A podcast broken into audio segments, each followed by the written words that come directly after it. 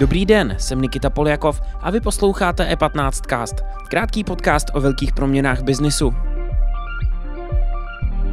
Škoda prožívá asi největší dosavadní krizi. Chybí čipy, automobily stojí, provoz nefunguje a dodavatelé krvácejí.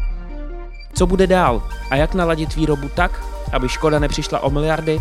O tom dnes budeme mluvit s Jaroslavem Povšíkem, šéfem odboru Škoda Auto.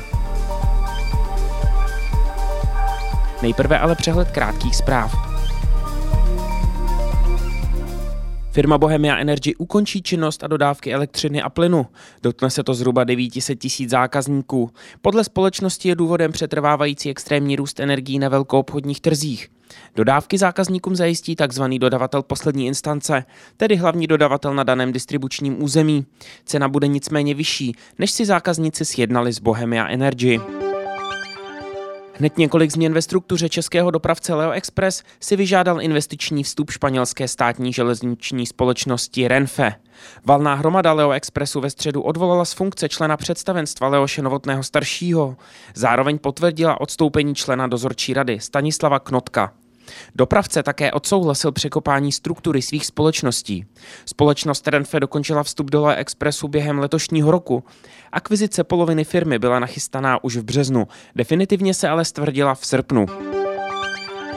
Rekordní množství Američanů opustilo svou práci v průběhu srpna. Vyplývá z čerstvých dat amerického statistického úřadu. Téměř 3% amerických zaměstnanců dala výpověď na konci léta. Celkový počet výpovědí se tak v srpnu zvýšil na 4,3 milionů, což je o čtvrt milionu víc než v červenci. Úroveň dobrovolných výpovědí vyšplhala na nové maximum 2,9%.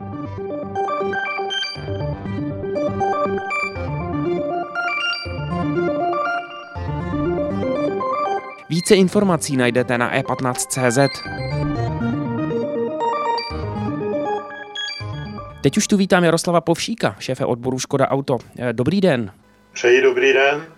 Pane Povšíku, eh, rádi bychom nějaký, nějaký komentář váš na současnou situaci ve Škodovce, nejenom teda z hlediska toho, co se tam děje, to, co vidíme v médiích, ale řekněme nějaká, nějakou náladu, kdybyste mohl popsat, jak se tam vůbec teď, jaká je tam dynamika tak samozřejmě ta nálada v současné době klesá, je to takový rozpolcený, část podniku dělá, ale ta výrobní oblast zůstává teď stále častěji doma, jsou tam velké výpadky a ty lidé začínají přemýšlet o tom, jak to bude dál s perspektivou jejich pracovních míst.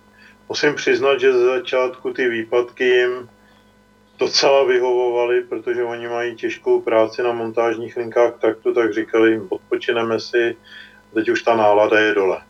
Uh-huh, uh-huh. Uh, je tam nějaká perspektiva? Uh, pro, říkáte, že někteří kolegové přemýšlejí třeba i o, mě, o změně zaměstnání, to znamená, že není vůbec jasné, kdy dojde, řekněme, k, k naladění toho dodávkového řetězce.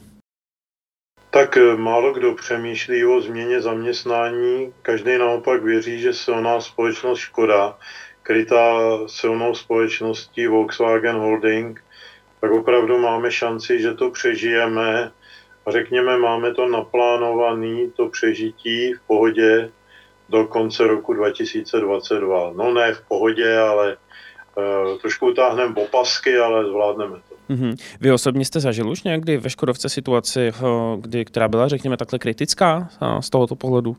Tak takhle kritická to jsem nezažil absolutně nikdy. 45 let pracuji ve Škodě a eh, tady vlastně ta covidová situace už byla obrovsky dramatická a na to navázala tahle eh, čipová nouze a to, když se spojilo, tak to je, to je jako neskutečný to nikdy nebylo. Já jsem zažil krizi 2008, 2009, to byla ta finanční americká krize a z toho jsme se otřepali hodně rychle. Zažil jsem i e, takový půz, kdy vlastně e, byl problém s ropou, že ho spekulovalo se, přecházelo se na úsporný motory a to nebylo nic proti tomu Uhum, uhum. Určitě to má dopad na provoz výrobu. E, má to e, provoz, bude mít to mít dopad na mzdy, e, řekněme, když se takhle zeptám, vidíte v to dlouhodobí, řekněme, jakoby potom, řekněme, snižování mest, prémií a podobně?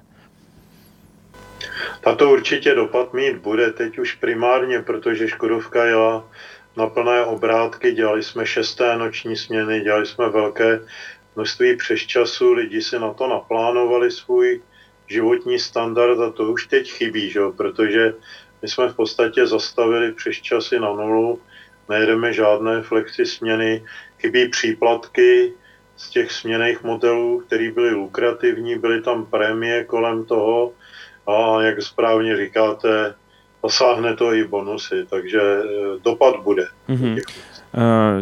Četl jsem, že se Škodovka učí vyrábět s menšími dodávkami čipů. Co to znamená v praxi vyrábět menšími dodávkami čipů?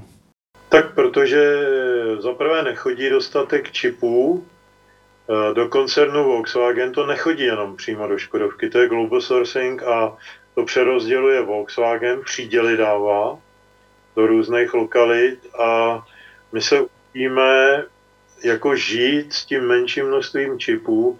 To znamená, říkáme si, tyhle auta v podstatě vyrobíme, na nich máme dobrou marži, tyhle auta musíme vyrobit pro zákazníka, a to je třeba Enya. Když uvedete elektrický, elektrický vůz na trh a nemáte ho pro zákazníky, jak je to průšvih. Navíc to je nulová hodnota emisí, takže neplatíte pokuty a je tam vysoká přidaná marže. Takže to je podpora a děláme podporu i teď té nový Fábii, protože ta je fakt úžasná. A teď, když jsme ji takhle ukázali, udělali marketing a nedáme ji do showroomu, tak je taky špatně. Uhum, Co se bude dít dál, umíte předpovědět, nebo teď eh, to, co se bude dít dál, znamená čekat a čekat? Jak se situace vyvine? My jsme se naučili, že nepředpovídáme, my plánujeme všechno a plánujeme rizika, děláme vysoké riziko, střední riziko a nízké riziko, ale riziko vždycky, jak jsem vám říkal, my máme plán do roku 2022 až do konce roku 2022 a už teď víme, že tam budeme mít, že tam budeme mít eh, opravdu sníženou produkci, dejme tomu řeknu o 14% celý rok a s tím budeme muset vycházet. Věříme, že ten druhý půlrok 2022 se to začne zlepšovat a samozřejmě k tomu se musí udělat opatření. Mm-hmm. Finální dotaz, eh, debata o Gigafactory, docela živá, vy jste se potkal s Padem, když jsem. Eh, chci se zeptat, myslíte, že stavba tohoto typu by mohla pomoci i Škodovce, řekněme, i jejím zaměstnancům eh, na třeba, řekněme, rekvalifikaci části jakoby, a jako změnu zaměstnání nebo větším synergiím v rámci Škodovky a této nové továrny potenciálně?